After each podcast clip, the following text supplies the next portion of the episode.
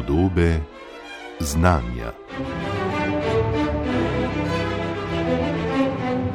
Metoda CRISPR-Cas9 je v zadnjem desetletju temeljito revolucionirala vede o življenju.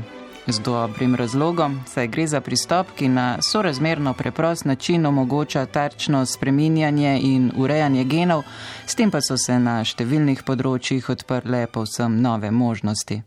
Neprimerno lažje je denimo postalo raziskovanje vloge konkretnih genov in mehanizmov, ki sodelujejo pri njihovem izražanju, s tem pa so se med drugim odprle nove možnosti zdravljenja bolezni, pri nastanku katerih naši geni odigrajo ključno vlogo a kljub svoji izredni učinkovitosti CRISPR-Cas ni brez pomankljivosti in za vse rabe le ni dovolj natančna.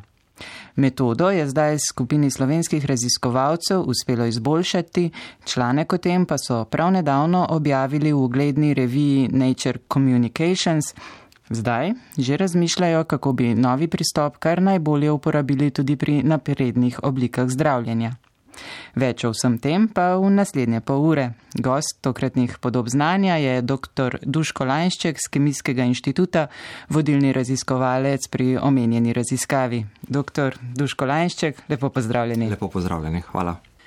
Da bomo lažje razumeli, za kakšno izboljšavo pravzaprav gre pri tem, kar ste vi s svojimi kolegi uspeli narediti, bo verjetno na mestu, če se najprej posvetiva sami tej izhodiščni metodi, kako pravzaprav delujejo te tako imenovane genske škarje, torej metoda CRISPR-Cas in kako zelo velik je bil pravzaprav ta vpliv na najrazličnejše vede o, o življenju. Ja. No, CRISPR-Cas metoda oziroma sistem, sistem CRISPR-Cas v bistvu spada, e, je eno izmed uh, nemalo urodij, ki se ga v bistvu uporablja za modifikacijo genoma in uravnavanje izražanja različnih genov. In kot ste omenili, v bistvu gre zdaj že za dobro deset, dobrih deset let, odkar je v bistvu CRISPR-Cas ratal resno tako nepogrušljivo urodje v marsikaterem biotehnološkem laboratoriju oziroma v laboratoriju sintezne biologije in podobno. Kaj ti bi so na začetku so bile pač neke pred, pred druge metode, kot so meganukleaze in uh, taleni oziroma cinkfinger nukleaze. Ampak potem z letom 2011, ko so ugotovili sposobnost uh, del tega sistema, da je sposoben prepoznavati neko tarčno zaporedje DNA, je v bistvu potem prišlo do eksponentne rasti razvoja in pa tudi uporabe samega sistema CRISPR-Cas. Jaz vedno osebno pravim, da v bistvu gre za zelo revolucionarno metodo. In nekateri pojmujejo tudi to kot eh, v bistvu, eno izmed največjih biotehnoloških odkritij po odkritju PCR-a, ker v bistvu, kot ste omenila, je ta sistem je sposoben bistvo tarčno prepoznavati neko zaporedje v genomu in ga potem tudi spremeniti. Z ustreznimi modifikacijami pa lahko ne samo, da se spremenja tarčno genom, se lahko tudi vpliva na tarčno uravnavanje izražanja različnih genov.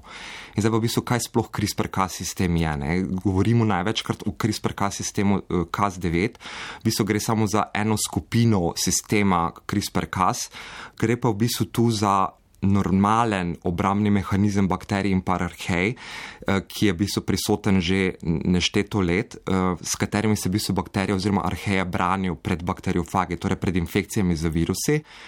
In točno to, ko pri naprimer bakterija prija v stik z nekim virusom, je sposobna, da ta del DNA oziroma te dednine od tega bakteriofaga vpiše v lasten genom in potem v ponovnem uh, snidenju oziroma ponovnem srečanju z dotičnim bakteriofagom oziroma virusom je sposobna proizvesti ta sistem CRISPR-Cas, ki potem lahko v bistvu napade bakteriofagi. Na ta način se v bistvu potem bakterije obrane pred uh, invazijo. Torej govorimo o adaptivnem oziroma obramnem imunskem sistemu samih bakterij in parahej.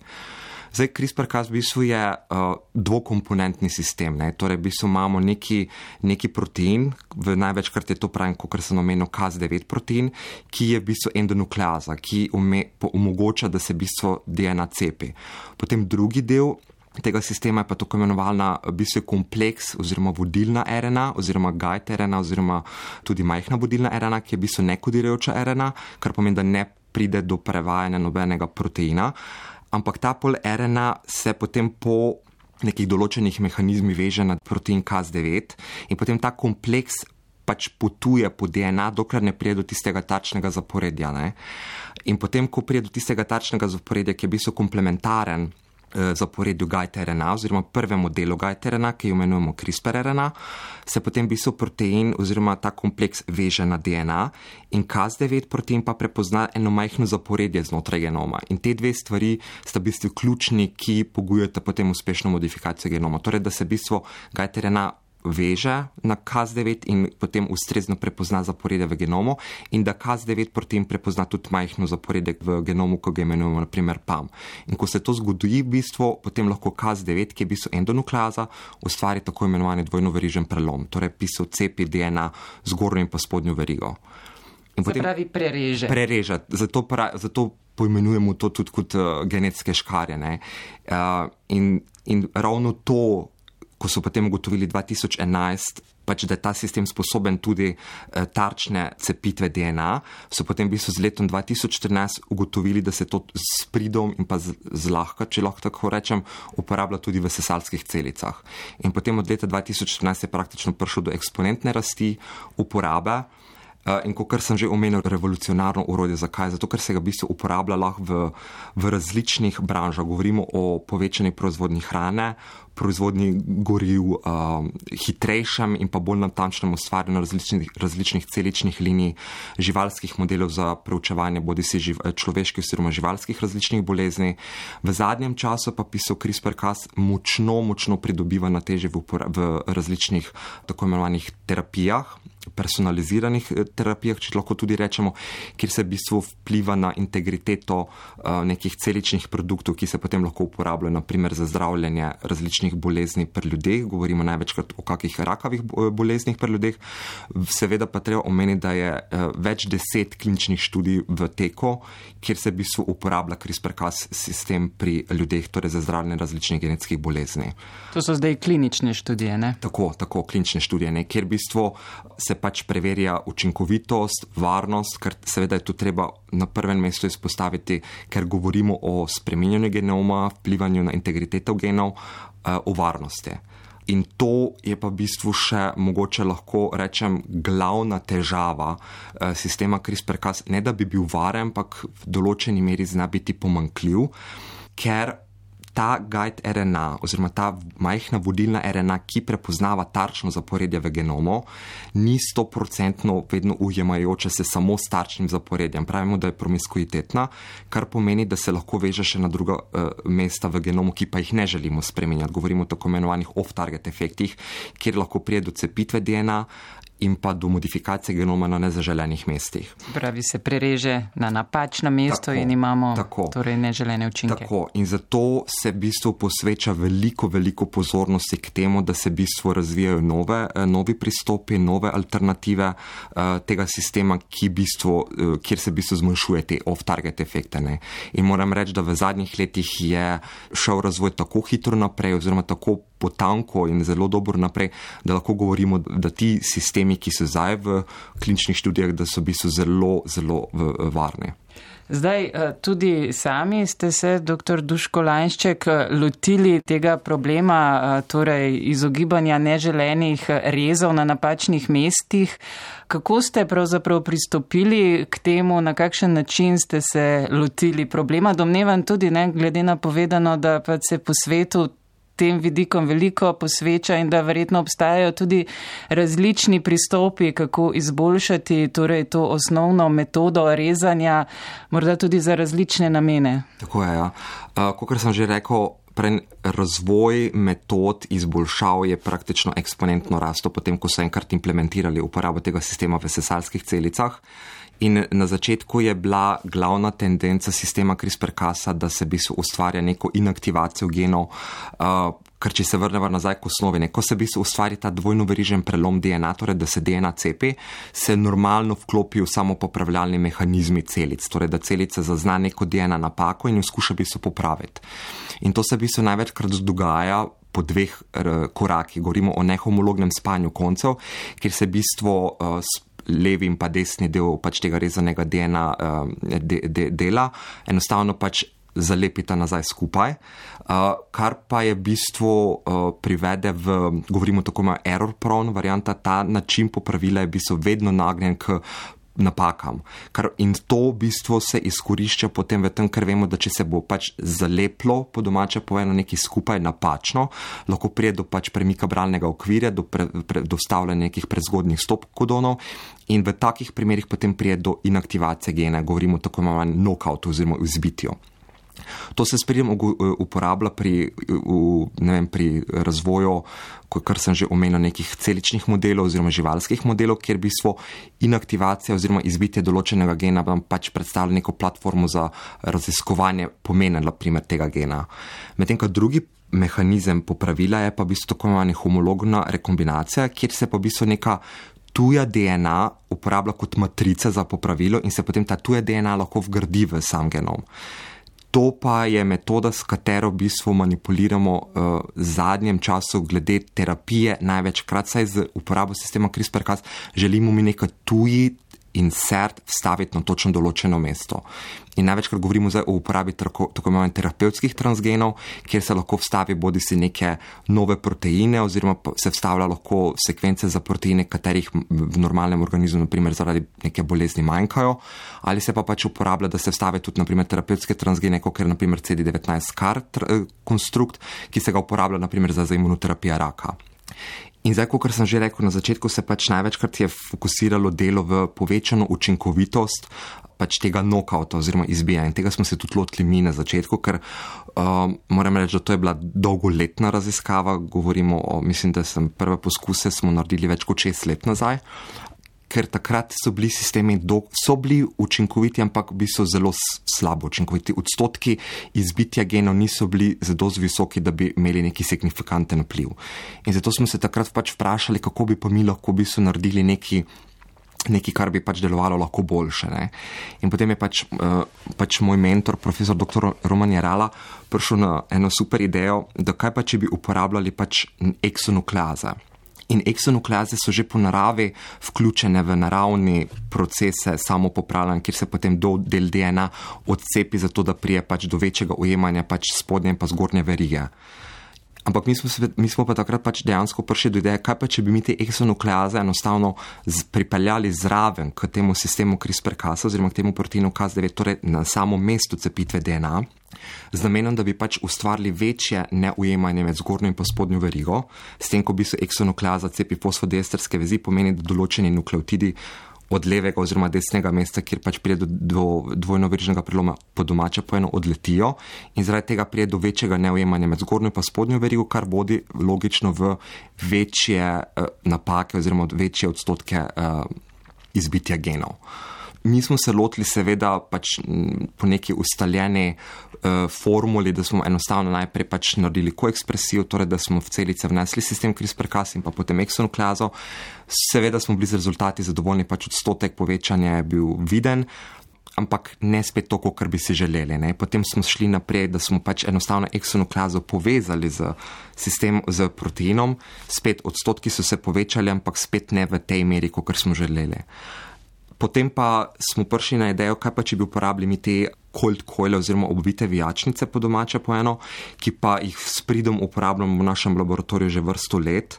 In potem smo v bistvu te obvite vijačnice, oziroma posamezne pare teh uh, obvitih vijačnic, povezali bodi si z eksonoklazo, bodi si z SKAS-9 proteino. In to je v bistvu omogočilo, da smo eksonoklazo pripeljali točno k mestu, kjer prije do dvojno verižnega preloma, in na ta način smo v bistvu povečali resno recesijo nukleotidov z leve in pa desne strani in na ta no-, način ustvarili v bistvu to uh, izboljšano urode CRISPR-Cas, kot uh, ga danes opisujeva.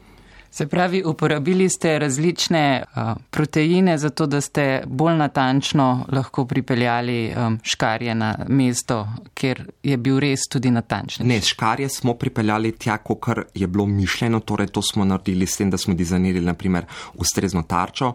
Mi smo z z domenami, ko kar govorimo za obovitih vjačnice, pripeljali k mestu DNA cepitve eksonukleazo, ki je bil uh -huh. potem dodatno povzročala to recesijo DNA koncev in s tem se je potem pač povečala učinkovitost samega orodja. Ne. In na ta način smo v bistvu potem signifikantno tudi do, do večkraten uh, faktor izboljšanja uh, pač potestirali na različnih genih, na različnih celičnih linijah in potem ne na se zadnje tudi na nekem uh, ustreznem terapevtskem modelu. Pa če nadaljujeva kar tukaj, ne, pravzaprav ste se lotili preverjanja te učinkovitosti na primeru kronične mielonične leukemije.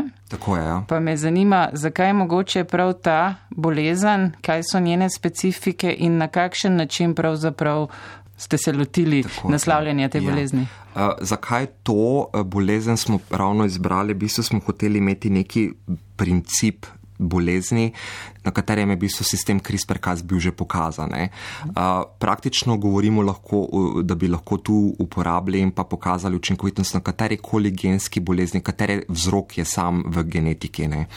In CML oziroma kronična mieloična leukemija je v bistvu oblika raka katere vzrok je, leži sto odstotno v uh, genetskem uh, zapisu. Ne. Tu gre v bistvu za nastanek tako imenovanega Filadelfija kromosoma oziroma fuzijskega kromosoma BCR-ABL in nastanek tega fuzijskega kromosoma v bistvu povzroči, da, povzroči, da se celica, celice nekontrolirano delijo. E, in to potem vodi v klinično sliko, kot je opisana pri, uh, pri kronični mieloični leukemiji. Uh, in mi smo se lotili tega. Pri tej bolezni zato, eh, ker smo res želeli pokazati, da pristop uporabe CRISPR-Kasa lahko bistvu v določenih merih tudi nadomesti klasično terapijo. Klasična terapija pri CML eh, je z uporabo tako imenovanih TKI oziroma pač eh, inhibitorjev določenih kinas vendar se pri določenih pacijentih razvijajo tudi pač točkovne mutacije znotraj tega proteina. In v teh primerih, oziroma pri teh pacijentih, potem ta obstoječa, e, ta konvencionalna e, terapija pač odpade, ker do, ljudje pol razvijajo odpornost na ta zdravila in enostavno potem ni uporabno več. Medtem, ko v našem sistemu pa bi so, ko ti bi so targetiraš genetsko zaporedje, ne? ker mi smo v našem primeru pač targetirali oziroma tarči ta naš sistem na točno ta fuzijski gen. In potem, ko smo v bistvu povzročili izbitje tega gena, smo povzročili, da je v bistvu celica propadla, torej je pač rakava celica umrla. Uh, in zdaj v primeru, naprimer, da bi pa pač imeli prisotno to točkovno uh, mutacijo, ki pač omogoča potem rezistenco na to obstoječe TKI zdravilo, bi pa lahko enostavno bi so dizajnirali novo tarčo, ne govorimo o par nukleotidih desno ali pa levo in bi spet lahko povzročili cepitev DNA na tem mestu in spet povzročili smrt celice. Ne. Tako da bi se to alternativa lahko obstoječemu načinu zdravljenja. Ampak seveda, prej govorimo o nekih novih oblikah zdravljenja, treba pač omeniti, da treba pač iti tu definitivno čez vse normalne postopke, regulacije, regulative, prijem prije taka, tako zdravilo v klinično uporabo. Pa se vam zdi, da z primernimi preverjanju učinkovitosti te metode bi se to dalo to vrstne bolezni potem tako rekoč povsem pozdraviti ali samo um, zdraviti na nov način, uh, torej simptome? Uh, jaz rečem, da bi lahko na ta način bi so pozdravili vzrok, ne samo simptome, zato ker tu dejansko, če govorimo o genetskih boleznih, seveda ne, ker tu ti dejansko inaktiviraš vzrok bolezni, torej inaktiviraš gen, ki je odgovoren za eh, bolezen. Ampak seveda, kot sem že omenil, prijem bo to dejansko v rabi, je treba narediti še veliko kliničnih študij, še veliko testov varnosti, preizkušanj in podobno. Vemo, da so klinične raziskave posebno področje, zelo zahtevne, zelo drage, zelo kompleksne eh, in jih marsikdaj pač zmorejo res samo največji farmacevtski giganti ustrezno izpeljati. Zdaj eh, pri nas vendarle razmišljate o tem, da bi pripeljali to vrstne metode vendarle na neko višjo raven, um, torej tudi s pomočjo Centra za tehnologije genske in celične terapije. Pa me zanima, kakšna je pravzaprav vizija tu zadaj, kaj glede na pogoje, razmere, znanja in sredstva, ki jih imamo v Sloveniji, koliko potencijala tukaj je. Ja, no, sem zelo vesel, da ste pač to omenili. Uh, ideja našega uh, odseka oziroma kemijskega inštituta je v bistvu v povezovanju z tujimi partnerji. Uh, tu je treba omeniti pač University College of London in pa Katapult. Je v bistvu ideja, da se pač vzpostavi tako imenovani center za gensko terapijo in celično terapijo, kjer bi v bistvu lahko na tem delu Evrope pač postavili nekakšen ne, ne, nekakšen center, kjer bi lahko bistvo proizvajali to, kar bistvo odkrijemo proizvajali v tej meri, da bi bilo pač bolj dostopno za ljudi, torej da bi pač lahko pripravili produkte, bodi si govorimo o virusnih vektorjih, o nekih rekombinantnih proteinih, o novih dostavnih sistemih, ki bi jih potem lahko pač ekstrapolirali v klinično študijo. Tu je treba pač omeniti odlične povezave z, z, tudi z UKC Ljubljana, z določenimi oddelki, ki so pač seveda pripravljeni pomagati in pa uh, tako po strokovni plati, kot tudi kot plati samo svetovanja. In mislim, da se zavisi seveda od uh, volja. Ljudi, ker sposobnost pa kompetence to so prisotne pri nas in pa seveda od financ, kot ste omenili. Tako da ja, ideja je, da se pač zdaj prijavljamo na ta, skup, da se prijavljamo na ta skupni projekt in če se bo pač projekt pridobil, nam bo omogočeno, da se bi pač nekaj tak, to vrstnega oziroma ta center za genske terapije in pa napredne eh, celične terapije pač tudi spostavilo pač v Sloveniji. In na ta način bi bistvo lahko pol doprinesli, da bi naprimer te dognanja, ki jih pač ugotovimo v našem laboratoriju na predklinični bazi, lahko potem ekstrapolirali tudi v neke morebitne nove klinične raziskave. Na kakšen način pa pravzaprav bi um, potekale te raziskave? Uh, štartali bi bistvo po istem principu, kot kar delamo zdaj. Pač, torej, neki problem, neka nova ideja in posebej so loti, lotiš v laboratoriju, da pač ta problem oziroma to idejo probaš udejanjiti, torej, da priješ do nekih pozitivnih rezultatov. Ne. Zdaj, če govorimo o nekem zdravljenju, neke bolezni, seveda. M, treba pokazati to na ustreznih celičnih modelih, eh, tudi primarnih človeških celicah, naprimer celicah pacijenta, kot smo tudi pokazali mi za kronično mijaločno leukemijo, torej da se pač celice pacijenta pridobi, se jih pač ustrezno pač terapira, na katerem potem izsledkih fenotipa potem lahko zaključimo, da dejansko terapija deluje. In potem se pač gre v predklinično fazo testiranja na poskusnih živalih. Ne. Seveda z vsemi ustreznimi dovoljenji in pa vsemi upoštevanji etičnih načel.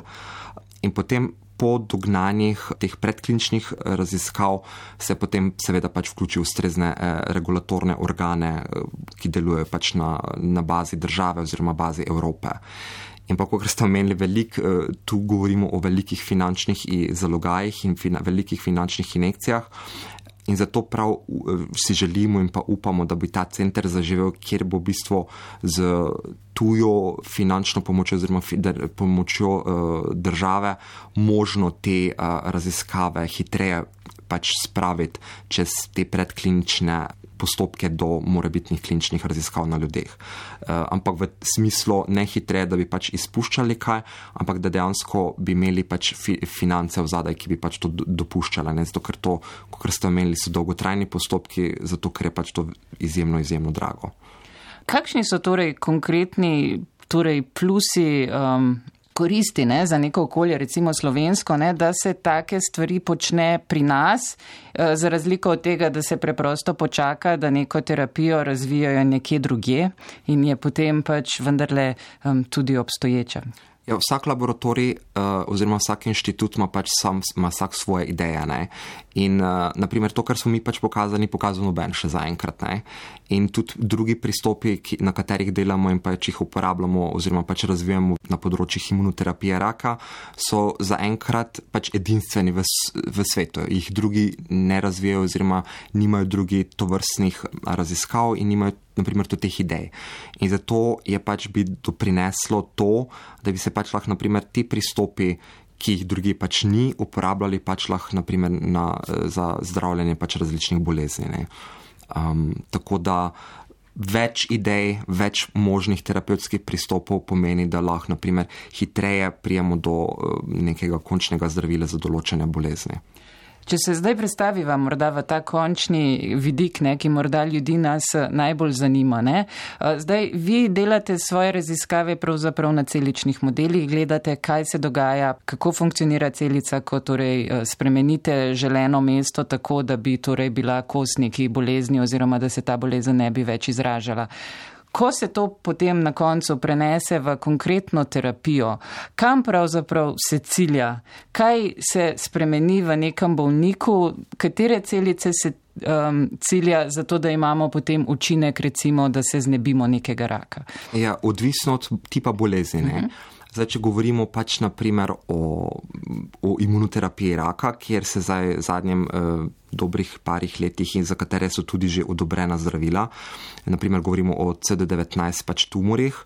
Um, In pač, za katere se pač uporablja tako imenovane karte celice. Govorimo o tem, da bi se lahko naprimer sistem CRISPR-Cas uporabljal za modifikacijo teh pacijentovih celic, ki se jih bo potem vrnilo nazaj v organizem. Govorim tu o ex vivo modifikaciji, torej da se vzame pacijento celice in se jih potem v laboratoriju spremeni, preveri pač učinkovitost, varnost in se jih potem nazaj aplicira v pacijenta. Eh, v tem aspektu bi pač rekel, da se targetira oziroma modificira pacijentove lastne te celice.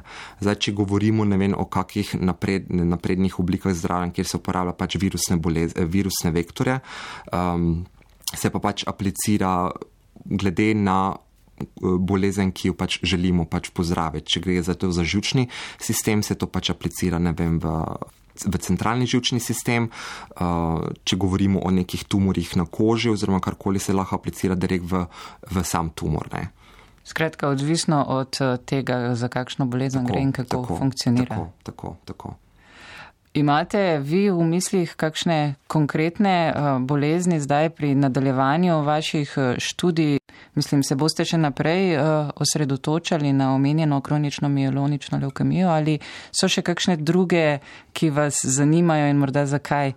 Ja, uh, zdaj kronične mielonične leukemije do, v tej meri. Uh, pokazali smo, da dejansko je, sup, lahko, je superiorna pač konvencionalni terapiji s CRISPR-kasom.